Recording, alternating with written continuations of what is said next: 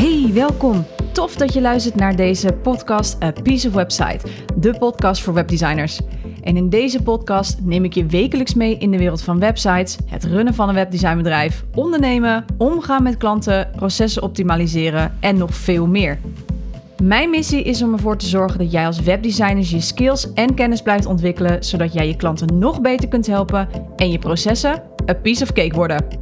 Ik ben je host Cheryl Borslijn, strategisch webdesigner en mentor voor webdesigners. En dit is A Piece of Website, de podcast. Hey, welkom. Leuk dat je luistert. En vandaag wil ik een topic induiken dat soms wat vragen met zich mee kan brengen, namelijk feedbackvragen. Ik wil je meenemen in wat feedback precies is, waar je het voor nodig hebt en hoe jij als je webdesigner bent natuurlijk de juiste feedback kunt ontvangen van je klant over bijvoorbeeld je eigen designs.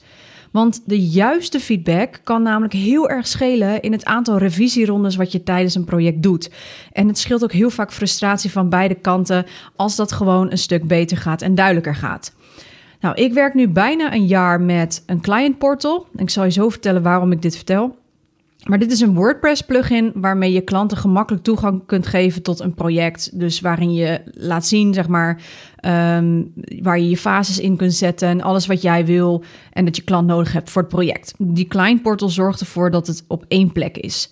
En dit is ook iets wat ik in mijn mentorship aan je leer. Uh, maar een van de modules daarvan is dus dat mijn klanten via hun eigen client portal mij feedback kunnen geven op hun designs. Daarom dat ik even die klantenportal aanhaal om even te laten weten van waar zeg maar mijn klanten feedback kunnen neerzetten.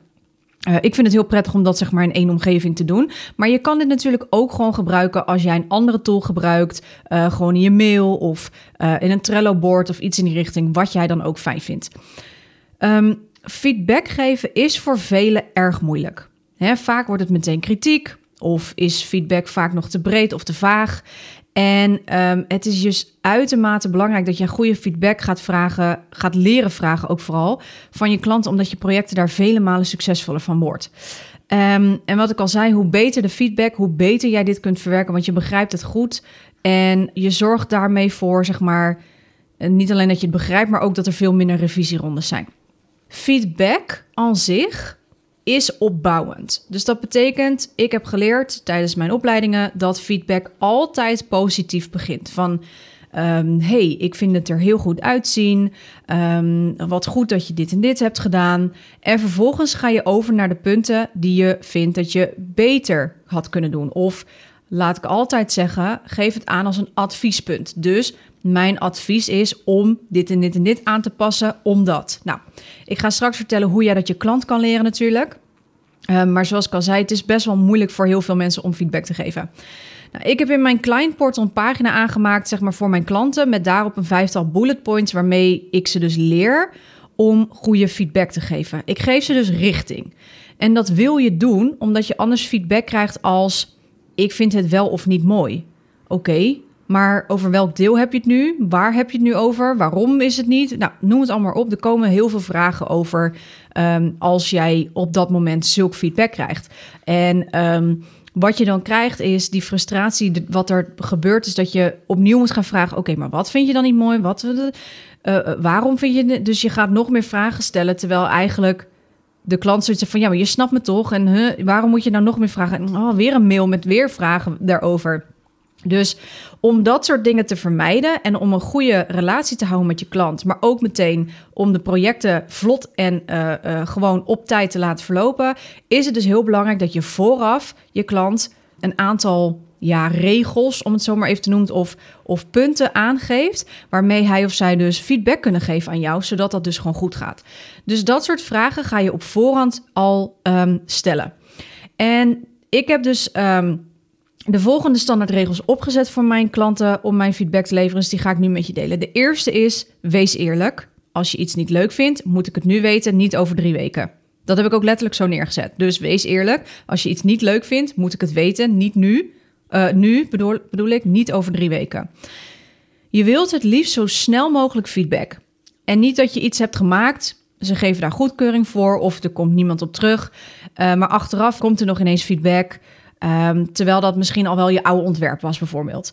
Nou, Wat je kunt doen om dat te voorkomen is sowieso te gaan werken met een tijdspad. dus uh, je klant geef je een tijdspad dat je binnen een bepaalde spannen van tijd, dus bijvoorbeeld een week, feedback wilt ontvangen en alles wat niet binnenkomt, dus alle punten die nou ja, niet worden meegegeven of dingen die worden overgeslagen of als je drie regels hebt en de rest is allemaal goed, dan mag je daarvan uitgaan dat het groen in licht is voor de rest van de website. En dat dat dus niet aangepast hoeft te worden. Dus alles waar geen feedback op wordt gegeven, hoeft dus niet aangepast te worden. Kun je vanuit gaan dat het groen licht is.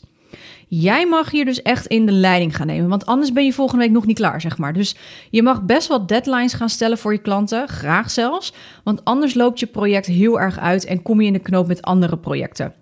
Nou kan dit ook nog juridisch. Dan ga ik nu even een kleine zijstap nemen, omdat ik net mijn eigen juridische documenten dat heb laten vastleggen. Dat je bij uitloop ja, ook weer regels kunt stellen of aan kunt geven ja, als je gewoon niet de feedback geeft die ik nu nodig heb en binnen deze week, dan ga ik eruit van dat het groen licht is. Uh, kom je achteraf nog met feedback, dat betekent dat we extra revisierondes moeten gaan incalculeren. Dat betekent dat de, uh, prijs van dit project omhoog gaat. Nou is mij dat niet gebeurd nog. Maar het is heel erg prettig om dat soort dingen wel vast te hebben liggen in je juridische documenten, je algemene voorwaarden, zodat ook je klant het serieus gaat nemen. Want je doet het natuurlijk voor je klant. En die klant doet het als het goed is om een eigen bedrijf te laten groeien. Dus dat mag best wel, je mag dus best wel wat strenger in worden. De tweede regel die ik altijd meegeef is: wees specifiek. Geef aan wat er precies niet voor je werkt, ofwel en waarom het niet werkt. Dus het is heel prettig als iemand zegt of ze het wel of niet mooi vinden. Hartstikke fijn. Maar wat vind je er dan precies wel of niet mooi aan? En wat is het dan wat je graag anders ziet? Vraag altijd over welk onderdeel en altijd de wat. Dus wat zie je, wat vind je fijn, wat vind je niet fijn, wat zou je anders willen zien, et cetera. Hoe specifieker je dit voor elkaar kunt krijgen bij je klant, hoe beter. Dus je mag echt je klant heus wel aan het werk zetten. Jij doet natuurlijk het meeste werk. Ehm, maar dat werkt straks alleen maar in hun voordeel als ze even een uurtje de tijd nemen om even goed feedback te geven op die website ontwerpen of op de website aan zich. Um, omdat ze daar gewoon op lange termijn veel meer profijt van gaan hebben. Nogmaals, je hebt minder revisierondes, maar je zal ook merken dat de feedback sneller wordt doorverwerkt en dat de website daardoor ook gewoon stukken beter wordt. Dus het is een win-win-win situatie van alle kanten. Oké? Dan natuurlijk nog de vraag waarom dus als je niet zeker, ik heb er ook neergezet, dus dat is de derde. Als je niet zeker weet waarom ik bepaalde keuzes heb gemaakt, vraag het dan aan mij. Dan leg ik het uit. Dat zet ik er ook bij. En alles wat ik voor het project heb gedaan, heeft een doel. Dat zet ik er ook bij.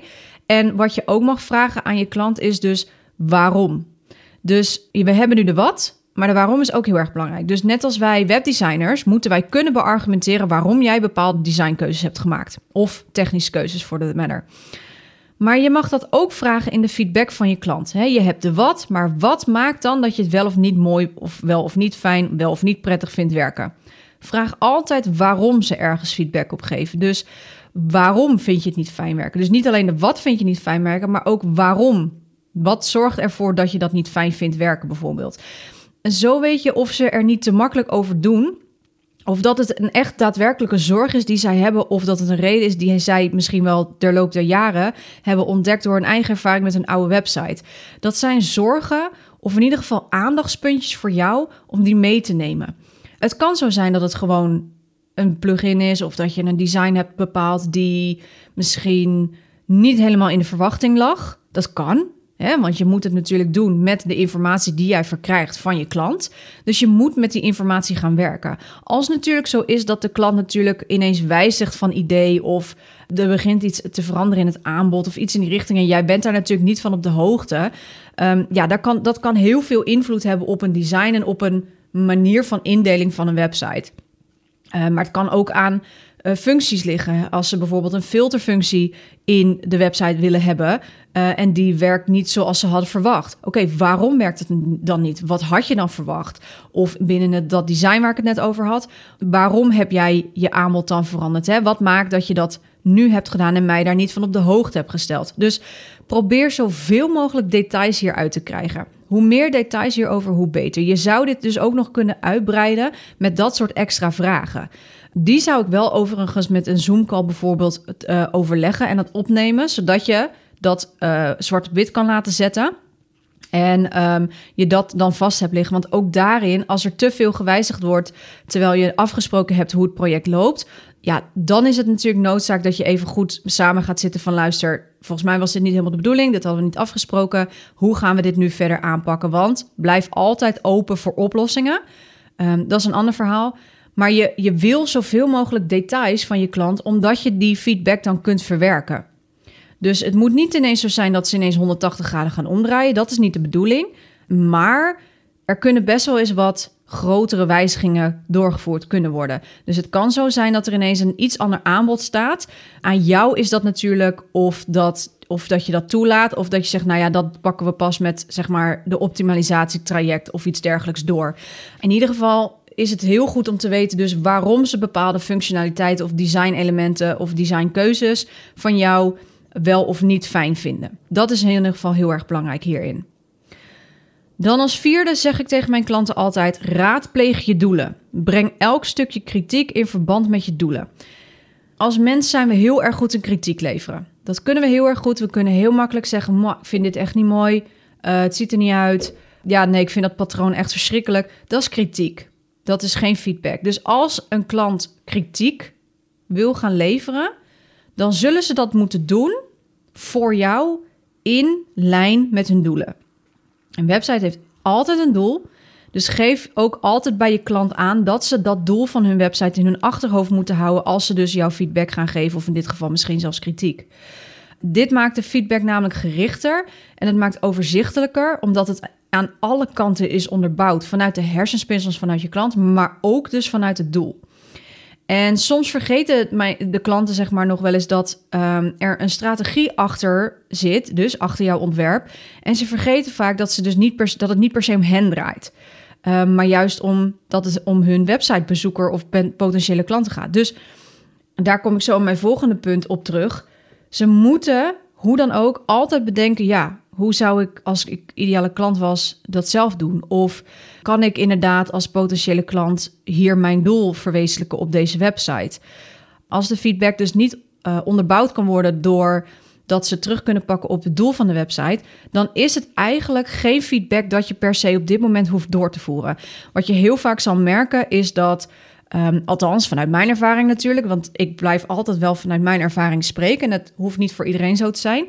Maar wat je wel zal merken misschien, is dat klanten heel erg snel zorgen uitspreken of dat ze ineens van jou beargumentatie over bepaalde designkeuzes of van de website zelf, dat ze ineens nieuwe ideeën gaan krijgen.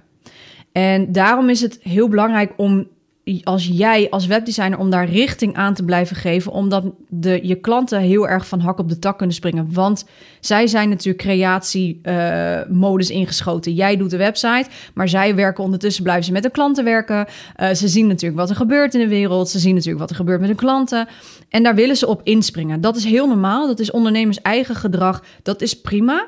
Maar je mag daar wel in aangeven van luister. Als je feedback levert, hou het dan altijd met dat ene doel wat we hebben besproken tijdens dit project in je achterhoofd. En hou daar dus bij je websitebezoeker en je potentiële klanten altijd in je achterhoofd. Dus daarbij ook mijn volgende en laatste punt. Wat ik altijd vraag van mijn klanten is: ga in de schoenen staan van jouw doelgroep. Jouw doelgroep moet top of mind zijn bij elke beslissing of feedbackmoment of feedbackpunt die je geeft. Wat hebben zij nodig en wat zullen zij fijn vinden? Dus geef aan bij je klant dat zij de gids zijn en niet de held. Dat vind ik even een hele belangrijke. Um, wat je heel vaak, of wat ik heel vaak zie, is dat mijn klanten die willen een website, wat natuurlijk logisch is en wat natuurlijk ook nodig is, maar um, die gaan ervan uit dat zij de eindgebruiker zijn. Dat is dus niet zo. Zij moeten dus um, vanuit een ideale klant gaan denken, proberen. Zoveel mogelijk. Het draait namelijk niet om de klant, het draait om hun potentiële klanten. En die willen we gaan helpen op de website. En dat zal uiteindelijk de klant zelf ook helpen. Want dat betekent dat die website ook daadwerkelijk wat voor hun gaat opleveren. Het zij in tijd, het zij in geld, het zij in vertrouwen.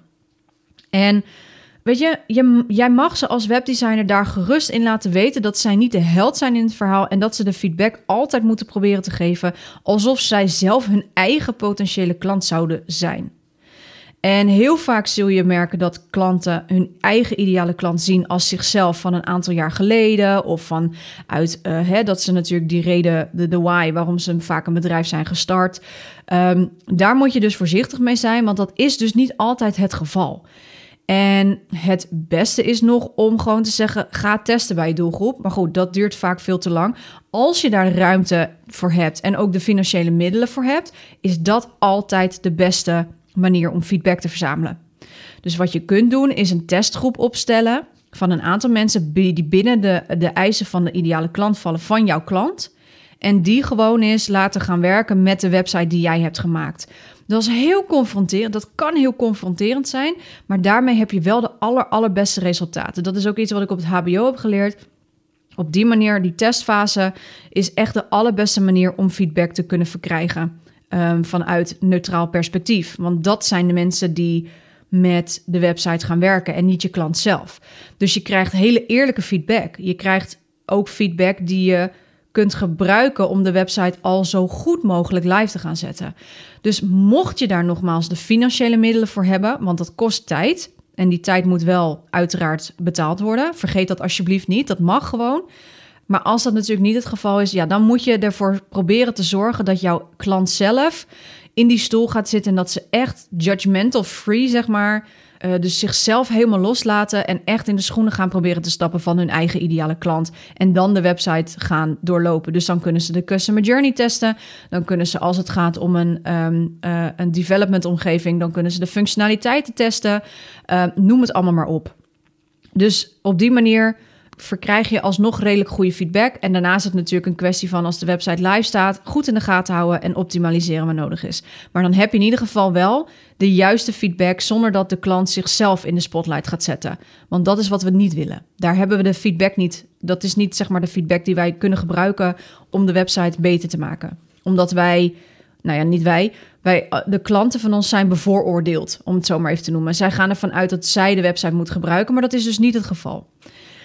Dus ja, je mag dus daar best je klant in gaan helpen, in gaan begeleiden, in gaan richten. Zodat jij de feedback gaat ontvangen die je nodig hebt om dit project dus als een succes te, uh, af te ronden. En of het nou in de designfase of is in de buildfase of in de launchfase, je hebt die feedback nodig.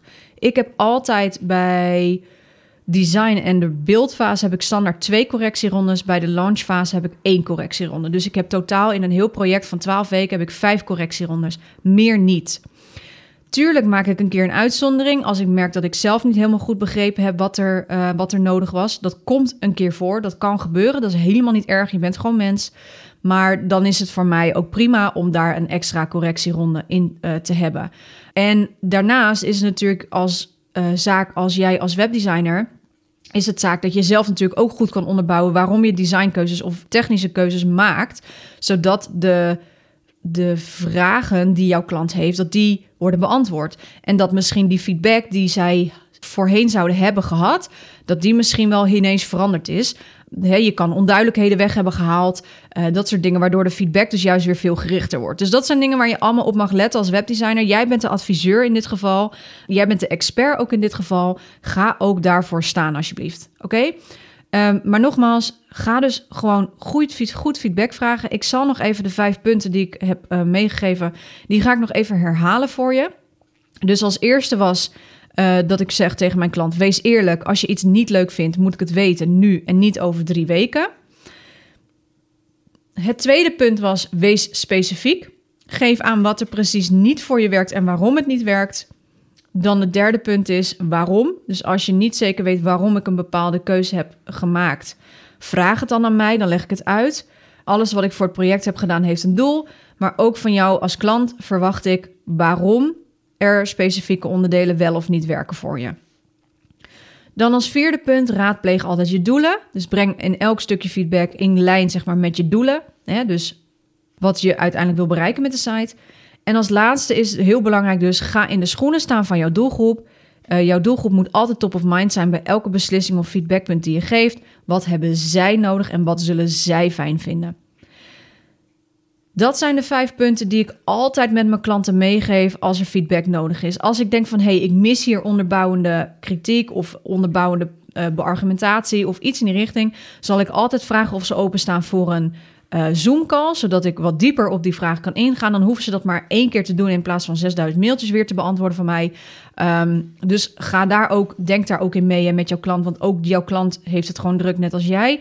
Jij wil zo snel mogelijk door en soms betekent dat dat een Zoom-call in dit geval net even sneller en vlotter is en duidelijker is dan een mail te sturen van hey, kun je dit onderbouwen? Want wat mensen wel vaak heel moeilijk vinden is schriftelijk feedback geven. Mensen kunnen heel vaak makkelijker gewoon uh, bekijken en vertellen dan dat ze schriftelijk moeten gaan vertellen wat ze in hun hoofd hebben zitten. Dus het kan ook zijn dat je deze feedbackrondes via een Zoom-call doet. Dan doe je er misschien iets minder. Hè? Dat je zegt, nou, per fase doe ik één call, één correctieronde, maar dan een grote van bijvoorbeeld een half uur of een uur. En uh, vanuit daar gaan we verder naar de volgende fase wanneer die feedback is verwerkt. En alles wat niet is verwerkt komt bij de volgende fase bijvoorbeeld. Uiteraard ben je daar helemaal vrij in om dat op die manier te doen. In ieder geval is het in ieder geval dus heel erg belangrijk uh, dat, dat je dus goede feedback gaat vragen. Dat is in ieder geval de rode draad wat ik mee wil geven voor deze podcast. Dat was een beetje een rare afsluiting. Ik hoop dat je hier uh, iets aan hebt gehad. Ga lekker feedback vragen. Ga daarmee aan de slag. Kijk wat je kunt verbeteren. Kijk wat je misschien op dit moment nog had gemist. Of dat je oude projecten kunt bekijken en denkt van... hé, hey, maar hier had ik inderdaad uh, andere dingen kunnen vragen. Schrijf die op en gebruik die ook zeg maar in een soort van procesmap voor jezelf. Zodat je dat volgende keer wel gewoon in één keer goed kan doen. Of in ieder geval veel meer gerichter feedback kunt krijgen. Zodat je het nog beter kunt verwerken.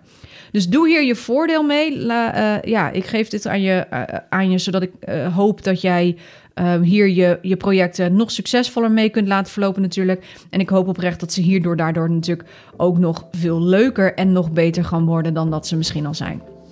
Voor nu, dankjewel voor het luisteren en ja, tot de volgende aflevering. Oké, doei! Thanks for listening. Wil jij je skills verder uitbreiden of verdiepen, je processen optimaliseren en simpel en effectief willen leren werken? Dan is het mentorship voor webdesigners perfect voor jou. In dit zes maanden durende één op één traject krijg je een volledig kijkje bij mij in de keuken.